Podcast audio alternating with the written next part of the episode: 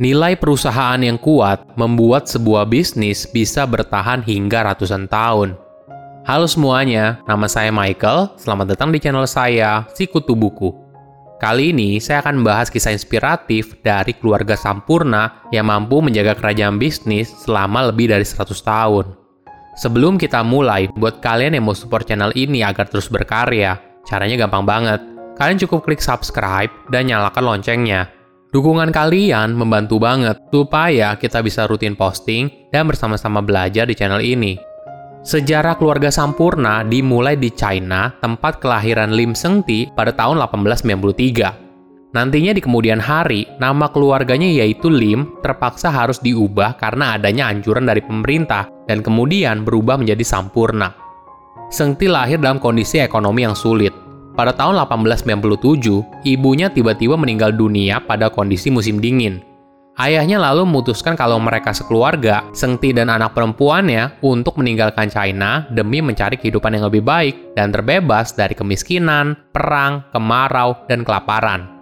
Dari China, mereka sekeluarga lalu tiba di Penang melalui jalur laut via kapal. Namun sayangnya, kondisi di Penang juga tidak stabil dan tidak aman bagi para imigran. Mau tidak mau, mereka terpaksa harus meninggalkan Penang dan kembali naik kapal ke arah selatan, yaitu Jawa Timur. Namun sayangnya, uang ayahnya saat itu sudah habis dan tidak bisa membeli tiket kapal untuk mereka sekeluarga.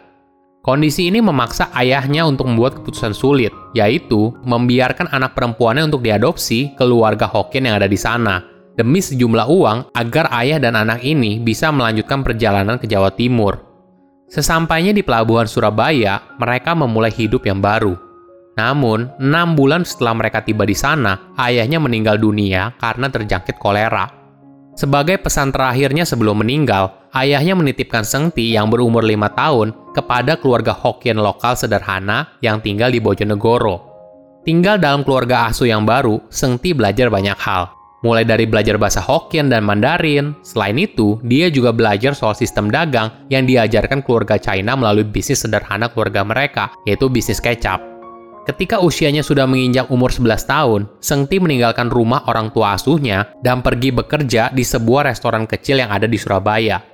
Di sana, dia bekerja tanpa dibayar, namun diberikan kompensasi berupa makanan, pakaian, dan tempat tinggal.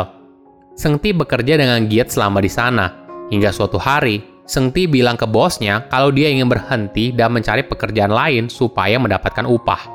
Bosnya lalu melepasnya pergi dan memberikannya sedikit uang. Sengti lalu menggunakan uang tersebut untuk membeli sepeda bekas dan mulai menjual arang di jalanan Surabaya. Dari situ, Sengti lalu mencoba bisnis lain, yaitu menjual makanan untuk penumpang kereta api.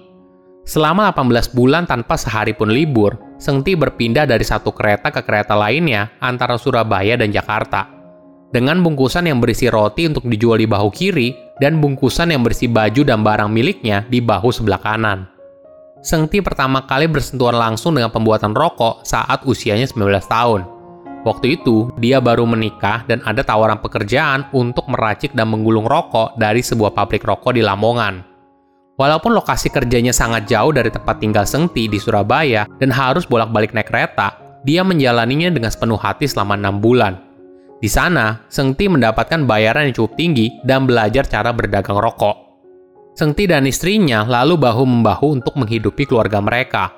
Istrinya membuka toko di depan rumahnya menjual bahan kebutuhan pokok, sedangkan Sengti berkeliling dengan sepeda menawarkan rokok ke warung dan toko grosir. Pada tahun 1913, usaha kecil tersebut didirikan di bawah nama Handel Mansepi Lim Seng Ti. Ini merupakan awal dari bisnis keluarga yang akan bertahan lebih dari 100 tahun hingga sekarang. Perlahan-lahan, usahanya terus meningkat karena cita rasa rokoknya yang unik dan beragam. Dari awal, Seng Ti punya mimpi untuk jadi raja rokok. Dia terus bereksperimen dengan berbagai campuran dan saus, hingga akhirnya berhasil menciptakan rokok Ji Samsu yang di kemudian hari dikenal sebagai Raja Kretek. Pada tahun 1920, pelabuhan di Surabaya berkembang pesat, dan Sengti berhasil mendistribusikan produknya hingga ke seluruh penjuru kota. Suami istri bahu-membahu untuk membesarkan usaha keluarga mereka.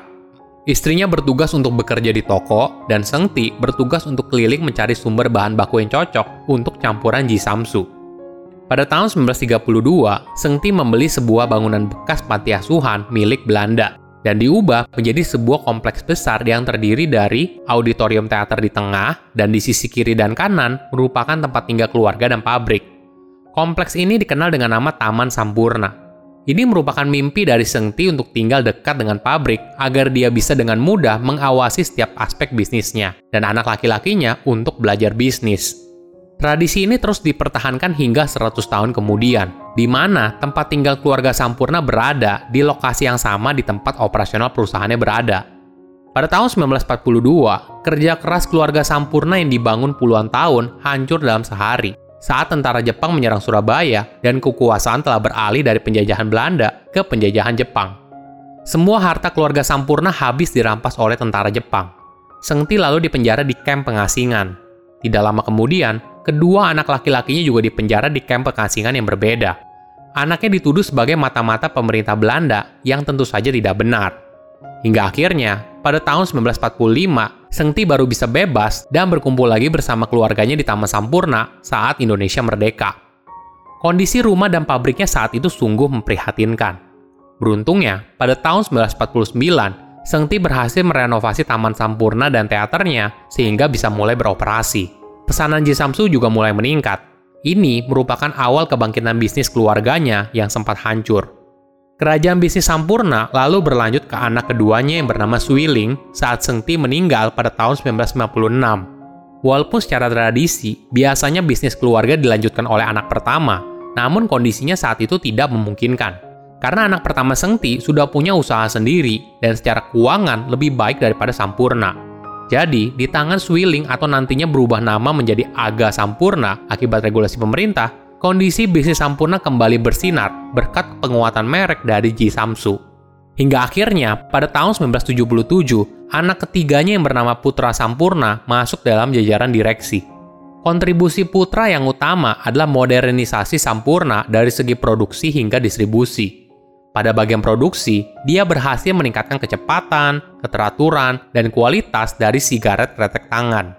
Sedangkan pada bagian distribusi, Putra membangun jaringan distribusi produknya secara mandiri dengan mendirikan anak perusahaan distribusi. Hal ini merupakan solusi dari berbagai masalah distribusi, mulai dari pengantaran produk yang terlambat, barang rusak, hingga keengganan agen untuk mengambil produk baru dari Sampurna. Perusahaan yang semakin besar membutuhkan modal yang besar, sehingga Putra akhirnya memutuskan Sampurna untuk masuk ke Bursa Efek Indonesia pada tahun 1990. Dana segar ini lalu digunakan untuk pengembangan bisnis Sampurna ke depannya. Kerajaan bisnis ini lalu berlanjut ke generasi berikutnya. Pada tahun 2001, Michael Sampurna yang merupakan generasi keempat menjabat sebagai direktur utama dan Putra menjabat sebagai presiden komisaris.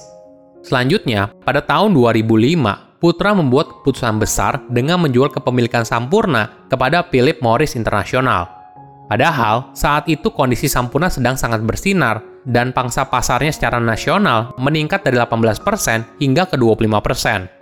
Namun, Putra merasa ini adalah keputusan yang tepat dan penjualan ini akan memberikan keluarga mereka kebebasan untuk diversifikasi investasi bisnis ke bidang yang lain di masa depan, seperti agrikultur, properti, keuangan, dan infrastruktur. Membangun bisnis itu harus siap jatuh dan berusaha bangkit kembali. Kerja keras dan visi yang jelas membuat perusahaan tidak kehilangan arah harus bergerak ke mana. Silahkan komen di kolom komentar pelajaran apa yang kalian dapat ketika tahu informasi ini. Selain itu, komen juga mau tahu informasi apa lagi yang saya review di video berikutnya. Saya undur diri, jangan lupa subscribe channel YouTube Sikutu Buku. Bye bye.